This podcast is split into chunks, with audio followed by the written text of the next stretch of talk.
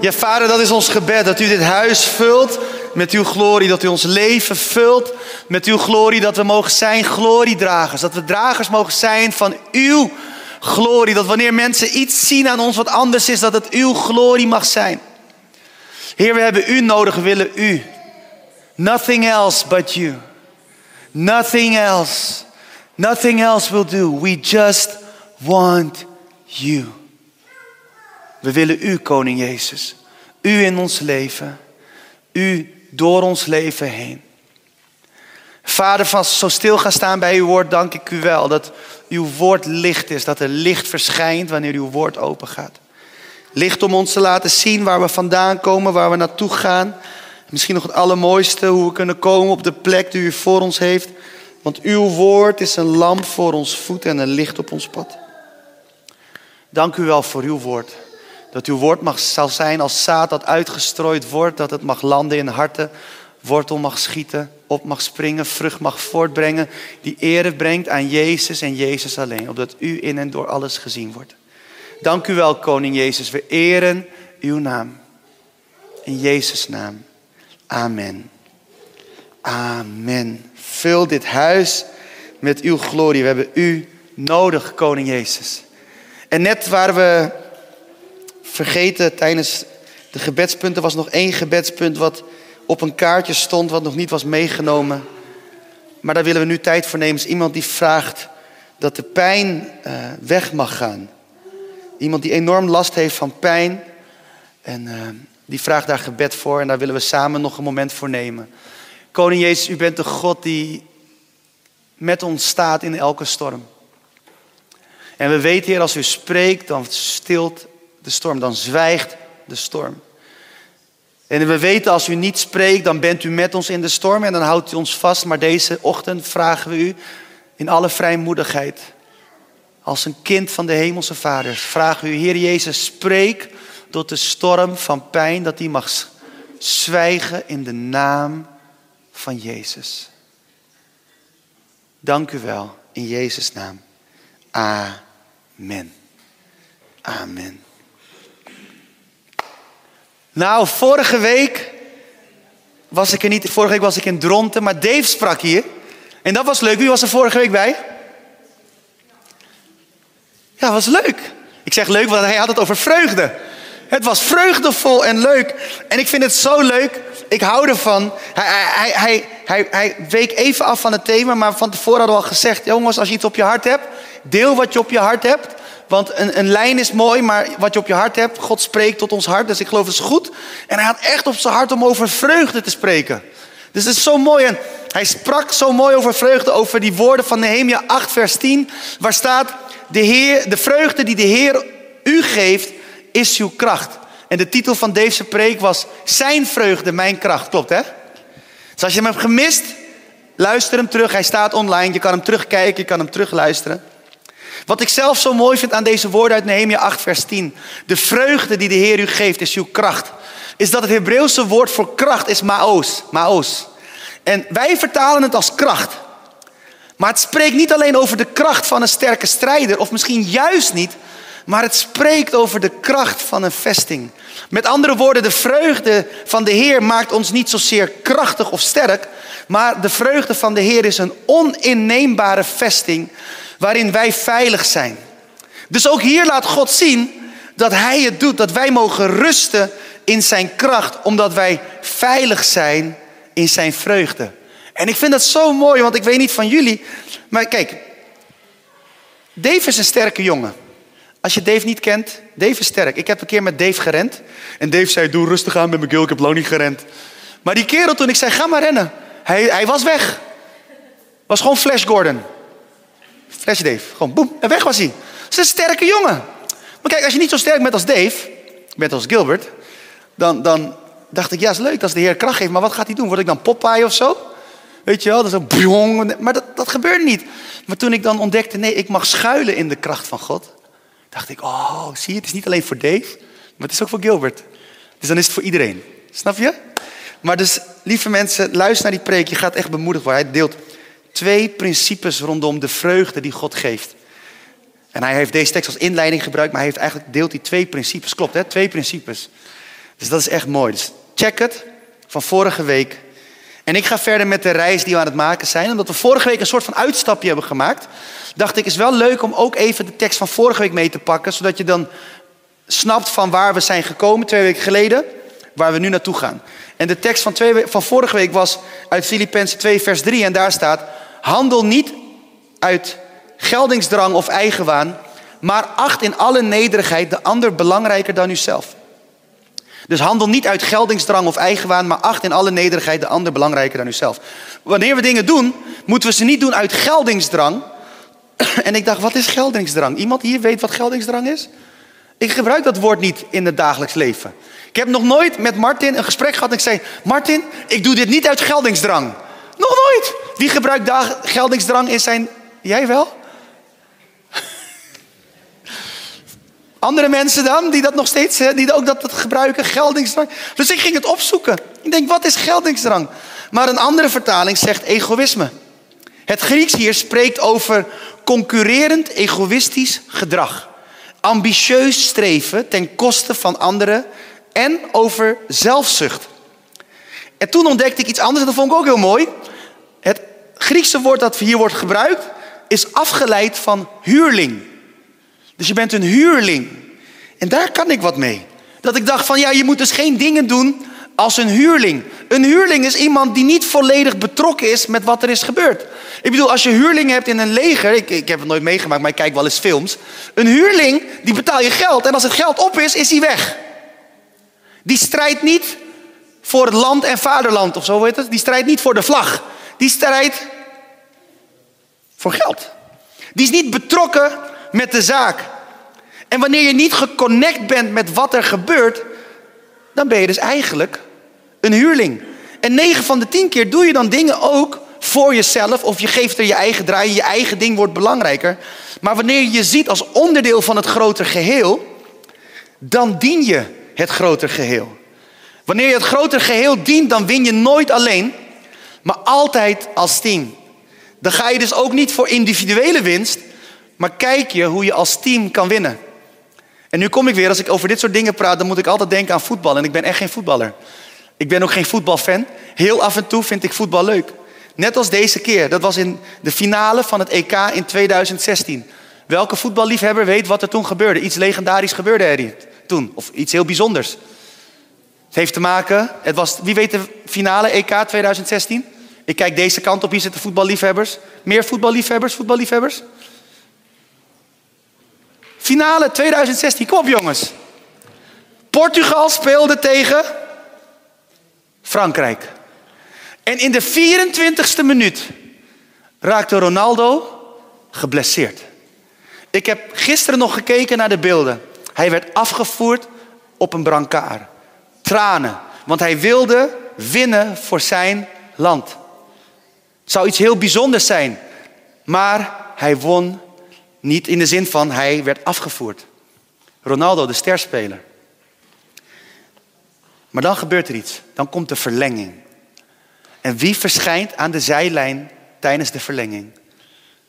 De extra coach van het team. Dat was Ronaldo. Hij kon amper lopen. Maar hij, hij moedigde iedereen aan. Die hele coach kon gewoon gaan zitten. Als je me niet gelooft, kijk naar de beelden. Ronaldo werd zo enthousiast. Ik heb nog nooit iemand zo vurig staan zien prediken. Terwijl hij zelf geblesseerd was. En hij stond daar en hij was. En dan was er één moment. Hij stond te juichen, hij gaf tips, hij gaf alles. Hij gaf alles wat hij had vanaf die geblesseerde plek. En dan was er die voetballer, even kijken, die heet. Ik weet niet hoe je hem uitspreekt, echt zo erg. Maar je schrijft E-D-E-R. Ja, ik zou zeggen Eder, maar ja, ik weet het niet. Maar ja. Eder, Eder, in ieder geval die meneer. Die scoorde tijdens de verlenging. En ik heb... Ronaldo juichte harder dan het hele team bij elkaar. En nu denk je misschien is Gilbert Ronaldo fan. Nee, ik weet het niet. Ik, ken alleen dit moment. Ik, het, zal, ik zal het nooit vergeten. Die man stond te juichen omdat iemand anders het doelpunt scoorde dat hij wilde scoren. Want iedereen verwachtte dat hij het zou doen. Maar hij stond aan de kant geblesseerd en hij juichte met alles wat in hij had. En ik dacht bij mezelf, maar zo moet de kerk zijn. Dit is hoe de kerk hoort te zijn. Want Ronaldo snapte, ook al ben ik geblesseerd, wij winnen als team. Dus ook al kan ik niet meer meedoen, ik moet zorgen dat zij die daar in het veld zijn, dat zij zo optimaal kunnen presteren. Man, die man, als het moest, zou die water voor ze halen volgens mij. Volgens mij heeft hij dat ook nog één keer gedaan ook. Dat hij met een flesje water liep. Ronaldo, de sterspeler. Toen dacht ik, wauw, wat kan je leren van voetbal. Eders succes, of Eders succes, ik weet niet hoe je zijn naam uitspreekt. Ik weet het echt niet. Maar zijn succes was het succes van Portugal. En dus was het het succes van Ronaldo. Wanneer je niet handelt uit geldingsdrang. Ik moest het woord even opzoeken, zo weinig gebruik ik het.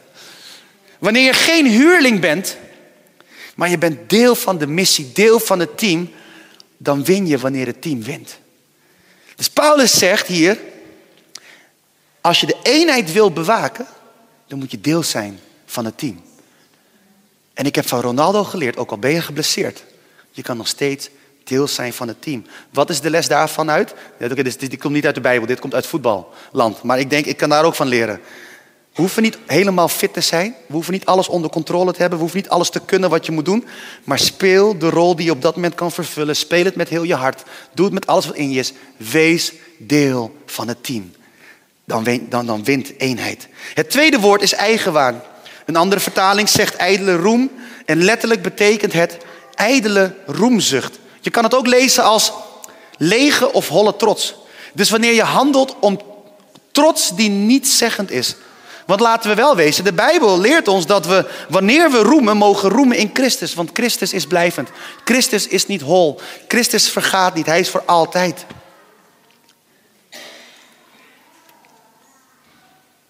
Dus als we willen roemen in iets, laten we roemen in Christus. Al het andere is ijdel. Al het andere zal vergaan. Maar hoe vaak handelen we om iets te bouwen voor onszelf, om een naam te maken, vooral in het Westen, waarin genoeg nooit genoeg lijkt te zijn. Er is altijd een volgende stap, altijd een volgende win, altijd een volgende mijlpaal om te bereiken. Handel niet uit geldingsdrang of eigenwaan, zegt Paulus, maar, en dan komt het antigif, de remedie, het antwoord. Acht in alle nederigheid de ander belangrijker dan jezelf. Nederigheid is de sleutel hier. Maar weet je wat de sleutel voor nederigheid is? Niet zozeer dat je minder denkt aan jezelf, maar meer denkt aan God. Want waar wij onszelf vaak bewust of onbewust spiegelen aan de mensen om ons heen, we vergelijken wat af, helemaal in de tijd van social media. Hoeveel likes krijgt de ander? Hoeveel volgers heeft de ander? Wat voor post heeft de ander? Leert nederigheid ons om onszelf niet te vergelijken met de ander, maar onszelf te zien in het licht van Gods heiligheid. Wanneer we kijken naar God, naar Zijn heiligheid, Zijn liefde, dan kunnen we niet anders dan nederig worden en zijn. Ik ben nog nooit iemand tegengekomen die hoogmoedig is nadat hij met God heeft gepraat. Gaat je niet lukken. God is groter, God is mooier, God is sterker. Dus nederigheid is niet het product van minder denken aan of over jezelf, maar meer denken aan God en zijn grootheid. En wanneer we dat doen, worden we nederig, zullen we de ander belangrijker vinden dan onszelf, omdat we onszelf zien in het licht van Gods liefde en de ander ook in datzelfde licht zullen zien. Wanneer we dat doen, bewaken we de eenheid en dan zijn we klaar met de preek, of om te beginnen met de preek van vandaag. Vandaag, de tekst van vandaag is Filippenzen 2, vers 14 en 15. Ik weet nog, toen we Reconnect starten, was dit een van mijn favoriete preken. Een van mijn favoriete teksten. Ik dacht, dit is, dit is de sleutel. Als we dit pakken met elkaar als kerk, dan gaan we winnen als kerk. Als we dit gaan pakken, dan, dan, dan is de kerk, de toekomst van de kerk wordt supermooi.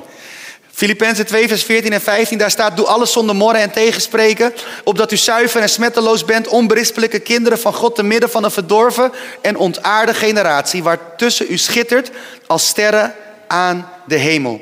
Alles doen zonder morren en tegenspreken. En even serieus, dat is best wel een opdracht. En let op, bij morren denken we hoogstwaarschijnlijk aan tegengas geven. Een beetje mopperen, een beetje klagen, een beetje van, moet dit nou? Maar het Griekse woord dat hier wordt gebruikt, kan ook vertaald worden als geheim ongenoegen. Dat je helemaal niks zegt, maar dat je in je hart aan het morren bent. Dat je in, het hart aan, in je hart aan het klagen bent. Wanneer we kijken daarna, dan denk ik van, wow, dat is wel een dingetje. En wanneer we kijken naar tegenspreken, dan bouwt dat eigenlijk verder op dat morren. Dus niet alleen niet morren, maar ook niet tegenspreken. Het Griekse woord hier is uh, dia, dialogismos. Dialogismos. Wat doet denken aan ons woord dialoog? En dit woord betekent dan ook overlegging en redenering. Maar hoe moeten we dat zien? Wanneer je iets doet, dan moet je het dus doen. Moet je het dan doen zonder overleg? Nee. Waar morren vooral wijst naar emotioneel verzet, verwijst tegenspreken vooral naar verstandelijk verzet. Dus daar waar je reden, je verstand, je intellect in verzet wil komen tegen dat wat je mag doen. Dus niet morren, niet tegenspreken. Eigenlijk zegt Paulus, stop je emotionele verzet, stop je intellectuele verzet, maar doe het met heel je hart. Stop op alle niveaus en doe wat je doet met geheel je hart. En betekent dit dat we dus een of andere voetveeg moeten zijn, die alles moet slikken en alles moet doen? Nee, natuurlijk niet. Maar dit roept ons wel op om alles wat we doen met geheel ons hart te doen. En het anders gewoon niet te doen. Snap je? Het is een tekst die je vrijheid brengt. Het betekent dus niet dat je alles moet doen, maar wat je doet, doe dat met geheel je hart. En ik kan je zeggen, dan wordt het leven een stuk leuker. En dat betekent niet dat je alleen maar dingen moet doen die goed voelen. Nee, dat zeg ik ook niet. Nee, je moet dingen doen die God van je vraagt. Maar doe dat met geheel je hart. Met alles wat in je is. Stop het verzet op alle niveaus. Waarom? Zodat je zuiver en smetteloos bent. Want wanneer je de ander helpt, dient met heel je hart, zonder verborgen agenda, dan is er ook niets op jou aan te merken. Zo simpel is het. En dan gaat de tekst verder en daar wil ik echt op inzoomen. Onberispelijke kinderen van God, te midden van een verdorven en ontaarde generatie, waartussen u schittert als sterren. Weet je wat onberispelijk betekent? Van Dalen zegt dat het betekent keurig zonder gebreken. Ergens anders las ik dat je het ook kan verwoorden als niet af te keuren, geen kwaad van te zeggen. En dat betekent dus dat wanneer we zonder morren en tegenspreken de dingen doen die we doen, dat we een goede reputatie zullen hebben die gelinkt is aan de Vader. En die reputatie zullen we hebben in onze generatie. Een generatie die echt de weg kwijt is. En als je me niet gelooft, kijk maar naar de krant. Je hoeft maar de krant te lezen. En dan zie je wel genoeg drama voorbij komen in deze generatie. Vrienden, wanneer wij alles doen met geel ons hart en zonder verborgen agenda, dan zullen wij schitteren als sterren aan de hemel. Ik vind dit zo mooi. Echt, wie wil geen ster zijn? Ik wil wel een ster zijn hoor, ik vind het wel leuk. En drie dingen die ik wil delen over sterren en dan zijn we klaar. Eerste ding wat ik wil delen. Een ster geeft licht omdat hun kern brandt. Een ster is niet afhankelijk van iets anders. Kijk, als je naar de maan kijkt, de maan weerspiegelt licht. Als je vanuit aarde kijkt naar de maan, dan zie je dat de maan licht geeft. Maar als de zon, nee sorry, als de aarde tussen de zon en de maan komt te staan, dan zie je de maan niet meer. Dat is echt zo. Ik zie sommige mensen echt kijken, echt waar? Ja, dat is zo. Dat is zo. Maar het mooie is, een ster is niet afhankelijk van de positie van de aarde om licht te geven. Een ster geeft altijd licht, of je hem nou ziet of niet. Een ster geeft licht. En wat leer ik daarvan? Dan denk ik, oh, weet je, als wij zo leven en wij mogen zijn als een ster, dan zijn we dus niet langer afhankelijk van de maatschappij of uh, de situatie in ons leven of ons licht brandt. Maar wij zullen altijd Gods licht mogen laten zien. Ongeacht de situatie waarin we zitten. Ongeacht hoe het de situatie is hier op aarde. Wij zullen licht geven. Want er brandt een waarheid in ons. Een leven in ons. Een vuur in ons. Wat sterker is dan alle duisternis van deze aarde. Mooi hè? Eerste ding. Sterren geven licht omdat hun kern brandt. Tweede ding is. De aarde ja, lijkt, we gaan een soort van natuurkunde geven of zo, of biologie, ik weet niet wat het is. Maar de aarde draait om een ster en niet andersom. Deze vind ik ook leuk. We zijn niet gemaakt om het voorbeeld van de maatschappij te volgen, maar geroepen om een voorbeeld te zijn voor de maatschappij. Kijk, als je weer kijkt naar de maan, de maan draait om de aarde. That's it. Dus waar de aarde is, daar is de maan. De, aarde gaat altijd, de maan gaat altijd mee met de aarde. De, de, de maan draait om de aarde. Maar een ster heeft niks te maken met de aarde. Een ster is daar waar die is en blijft daar. Sterker nog, de aarde en het hele, allemaal planeten draaien om een ster. En daarmee zeg ik niet dat een ster per se het middelpunt moet zijn. Maar ik geloof wel dat een ster een voorbeeld mag zijn. Dus wij als kinderen van God, wanneer wij zo leven, dan mogen we een voorbeeld zijn namens God hier op aarde. Mogen we een voorbeeld zijn voor de maatschappij. En een derde ding, die vind ik nog mooi, die is een beetje aan gelinkt. Iedere ster heeft een unieke plek gekregen van de schepper. En dat betekent dus dat de aarde niet bepaalt waar de ster is, maar de schepper bepaalt waar de ster is. Jij en ik, wij zijn gemaakt door onze schepper, door God, door de schepper. En toen hij jou maakte, had hij een plan met jou. En hij wist precies, ik ga jou daar plaatsen. En misschien ben je net als ik geboren aan de andere kant van de wereld, in Indonesië. Of ergens anders, Brazilië. Kan zomaar. Maar God dacht van, ja, maar ik heb een toekomst voor jou hier. En hij heeft mij hier geplaatst. En, en, en waar ik ben, waar ik sta in dit leven, mijn plek, komt niet door vechten. Komt niet door knokken. En natuurlijk, je moet hard werken en je moet je best doen. Maar het komt omdat God me die plek heeft gegeven. En dat geldt voor een ieder van ons. En dat is mooi, maar dat betekent dus ook dat je niet hoeft te vechten voor je plek. Maar je mag staan op de plek die God je geeft. En dat geeft rust. In een tijd waarin we zo hard moeten knokken. Waarin de wereld ons leert dat je moet vechten voor dat wat van jou is. Dat je moet opkomen voor je recht. Dat je moet dit, moet je dat. En nogmaals, ik zeg niet dat je een voetveeg moet worden. Dat is een heel ander uiterste. Maar ik zeg wel dat je mag rusten in de plek van hier heeft God me geplaatst. En je mag het overgeven aan Hem. En soms betekent het wel dat je dingen moet zeggen. Maar het is heel anders. Je vecht niet voor je plek. Maar je bent daar volledig omdat God je daar heeft geplaatst. En ik weet dat deze kennis rondom sterren en plekken en dingen, dat het niet beschikbaar was toen Paulus dit schreef. Maar desalniettemin vind ik het mega bijzonder dat hij deze woorden koos. En dat de wetenschap ons nu leert, waardoor deze tekst zo krachtig is. Ik vind het echt mooi, want Paulus wist misschien nog niet op dat moment hoe de zon en de maan en de sterren en de aarde bij elkaar zaten. Maar God wist het wel. En in het derde punt noemde ik al dat iedere ster een unieke plek heeft gekregen. En dat is mooi, want God bepaalt de plek van iedere ster. Maar er is nog iets mooiers aan dat hele, aan hele verhaal. Omdat God iedere ster een eigen plek heeft gegeven, gebruiken mensen al eeuwenlang sterren om te navigeren. Want alles verandert. Alles beweegt. De aarde draait, alles beweegt. Maar elke ster heeft een vaste plek gekregen. En omdat elke ster een vaste plek heeft gekregen, kunnen mensen kijken aan de hand van de sterren waar ze zijn en hoe ze kunnen komen op de plek waar ze naartoe willen. Aan de hand van de sterren kunnen mensen vandaag de dag nog steeds, als ze op zee zijn en alles valt uit, kunnen ze aan de hand van de sterren nog steeds de weg naar huis vinden. Het mooie is, God heeft ons allemaal een plek gegeven. En als wij op de plekken waar wij zijn het licht van Jezus verspreiden, geloof ik dat de mensen die ons zien de weg naar huis kunnen vinden. Altijd. En daarom geloof ik ook niet dat de kerk een plek is van positie.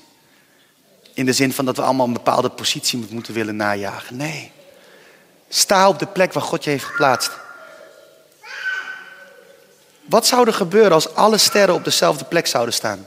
Wat zou er gebeuren als alle sterren nu zouden denken in dit heelal: Oh, ik wil op de plek van de zon. Dan hadden we één groot probleem, mensen. Als alle sterren op dezelfde plek zouden zijn, zou je één heel groot fel licht hebben aan de hemel, dag en nacht. Altijd. En iedereen zou voor altijd de weg kwijt zijn. Dat zou er gebeuren. En toch lijkt het zo dat wij, wij willen soms iemand anders zijn. Weet je, in de tijd van social media, vooral onder jongeren, zien het gebeuren. Van die influencers, we hebben daar een naam voor, het is ook echt een officiële baan. En die laten zien hoe vet je kan leven. En we willen dat. Maar dan denk ik, nee, laat die influencer lekker influencen. Ik leid gewoon mijn leven. Weet je wel, wat, wat, wat. God heeft je een plek gegeven. Own die plek. Wees daar thuis. Wees dankbaar. Wees blij. En dien Jezus op die plek. Laat je licht zien daar waar je bent. En het mooie is als God dan op een gegeven moment denkt van, ah, dit was te gek. Hier heb je gediend. Nu zet ik je op een andere plek. Ja, de schepper kan alles. Dus de schepper kan je gewoon verplaatsen. En dat is het mooie. En ik geloof dat als iedereen op de plek staat waar God hem heeft geplaatst, wanneer de wereld naar de kerk kijkt, dan zullen ze een sterren schakering zien. En ze zullen de weg naar huis vinden. En dat is mijn droom, lieve mensen. Dat heel veel mensen de weg naar huis zullen vinden. De weg naar de Vader, ons hemels thuis. En daarvoor hebben we iedereen nodig. Dit, dit ga je niet alleen kunnen. Weet je, misschien ben jij iemand die echt een roeping hebt als evangelist en sta je op straat. Misschien kijk je online en zeg je, ja, ik sta elk, ik, daarom sta ik zaterdag online. Ik bedoel niet online, sta ik zaterdag op de markt om te getuigen. Super mooi dat je dat doet. Maar als iedereen alleen maar dat deed, dan nog zou niet iedereen bereikt worden. We hebben iedereen nodig. We hebben ook die persoon nodig die gewoon op kantoor zit. En misschien nooit iets over Jezus zegt, maar wel Jezus laat zien. En die daar gewoon de liefde van Jezus uitdeelt. Die hebben we nodig. Want die persoon triggert iets bij de persoon die hem ziet. En dat die persoon dan denkt van, oh ja, wat heeft die persoon toch? En zo heeft iedereen zijn of haar rol te spelen in dat grote plan dat God heeft. Samen. We hebben elkaar nodig. Ik heb jullie nodig. En jullie hebben mij nodig. Ik zou bijna zeggen of je het nou leuk vindt of niet. We hebben elkaar nodig. En als we zo met elkaar omgaan, dan zullen we schitteren als sterren aan de hemel. En dan zullen mensen de weg naar huis vinden. En daar wil ik een moment voor bidden. Dat iedereen zijn of haar plek mag ontdekken. Want dat kan ook een zoektocht zijn, hè? dat weet ik. Het is soms heel lastig. Want het is heel makkelijk om te zeggen, ja, wees, wees daar op de plek waar God je heeft geplaatst. Maar ja, ik heb ook tijden gehad dat ik dacht van, ja, maar waar heeft God me geplaatst dan? Ik weet het niet. Maar daar gaan we voor bidden. Dat God het je laat zien. Dat je het mag ontdekken. Dat je als het ware een plek, dat je een, gevoel mag hebben van, oh ja, dit is mijn plek. Hier mag ik zijn. Hier mag ik iets van Jezus laten zien. En dan maakt het niks uit waar. Maar belangrijk is dat je het doet. Dat is waar het om gaat. Ook de mensen thuis. Ik heb niet eens gevraagd hoe het met jullie gaat. Sorry. Hoe gaat het met jullie? Ik hoop het goed met jullie gaat. Leuk dat jullie kijken. Ik zag net al, waren best wel wat mensen die thuis meekijken. Pak even de chat erbij hoor. Dan kan ik ook lezen als je zegt dat het goed gaat. Maar uh, laat het weten hoe het gaat. In de chat. Ik lees mee. Maar ik hoop dat het goed met je gaat. En als je al lang niet bent geweest in de kerk, kom weer een keer op zondag. Is leuk, we missen je. Het is toch leuk om je een keer in het echt te zien. Er zijn ook mensen die online kijken en nog nooit zijn geweest. Die tijdens corona zijn aangehaakt. Ook omdat ze niet heel erg in de buurt wonen. Maar ik zou het leuk vinden als je een keer kan komen. Weet je wel, is gezellig. Kan ik een keer echt een hand schudden? Zo van hoi. Of een box geven, net wat je fijn vindt. Of op afstand zo zwaaien. It's all good. Dus uh, ik zie al één duimpje, leuk. Dat is mijn zusje, die zegt dat het goed met haar gaat, fijn. Wel een beetje hongerig, zegt iemand. Oh, ik kan je niet helpen, je kijkt online. Ik zou best wel brood voor je willen brengen, maar uh, thuis bezorgd. Ik weet niet of ze al open zijn. Of een broodje smeren. Maar uh, leuk. Cheryl, Noortje. Sharon is ook thuis, want onze dochters die zijn allemaal een beetje ziek, zwak en misselijk. Twee keer, uh, twee met waterpokken, eentje met heel erg verkouden. Dus, maar ik wil met jullie bidden. Thuis en de mensen hier. Dat God de plek duidelijk mag maken aan de mensen die denken van wat is mijn plek in dit seizoen. Dus uh, ik zou willen vragen, sluit je ogen, laten we samen bidden. Vader, dank u wel. We komen zo voor uw troon. En we vragen u, wilt u bekendmaken waar wij mogen staan? Wat onze plek is? Heer, het is soms zo'n zoektocht. En er zijn zoveel stemmen die onze aandacht vragen. Maar we willen luisteren naar uw stem. Spreek tot ons hart. Dat duidelijk mag worden, dit is de plek. Hier mag ik zijn. Hier mag ik licht laten zien van Jezus. In een wereld die Jezus zo nodig heeft. Vader, dank u wel dat u door uw geest dat bekend wil maken. Dat u wilt spreken in harten op dit moment. Dat dingen op een plek mogen vallen. En dat we als kerk meer dan ooit mogen opstaan. Als één. In eenheid. Verbonden aan elkaar. Niet handelend uit geldingsdrang of eigenwaan. Maar dat we zullen handelen vanuit uw liefde, uw geest. voor het team, voor het lichaam, voor het groter geheel. En dat we onze plek mogen weten in dat plan. Of we nou de spits zijn, of de middenvelder, of verdediging, linksback, of welke andere term je nog hebt. Of de keeper, die is ook zo belangrijk. Of dat we nou de waterjongen zijn, de handdoekdrager, mensen van de medische staf. Of we nou op de bank zitten, waar we ook zijn. Dat we die plek mogen ownen. En dat we net als Ronaldo enthousiast mogen zijn voor het team. Uw team. Voor Jezus. Want daar gaat het om. Dat meer mensen u mogen leren kennen. Dat meer mensen mogen ontdekken wie u bent. Dat meer mensen mogen ontdekken de liefde van de Vader. Help ons om zo te leven. Dat we niet een of andere positie zullen begeren, maar dat we niets anders willen dan u. Dat vraag ik u in Jezus' naam. Amen. Hey Gilbert hier, bedankt dat je hebt geluisterd naar de podcast van Reconnect Community Church.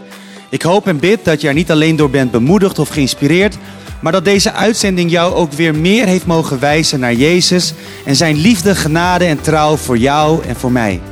En als jij, net als wij, ook enthousiast bent over deze podcast, dan kan je ons helpen door je te abonneren op ons kanaal en deze overdenking te delen met vrienden en bekenden. Mocht je ons ook financieel willen ondersteunen, dan kan dat via reconnect.cc/geven. Je helpt ons dan om dit te blijven doen, zodat wij mede dankzij jouw steun mensen kunnen blijven bereiken met het goede nieuws van Jezus. Bedankt voor je betrokkenheid en je support.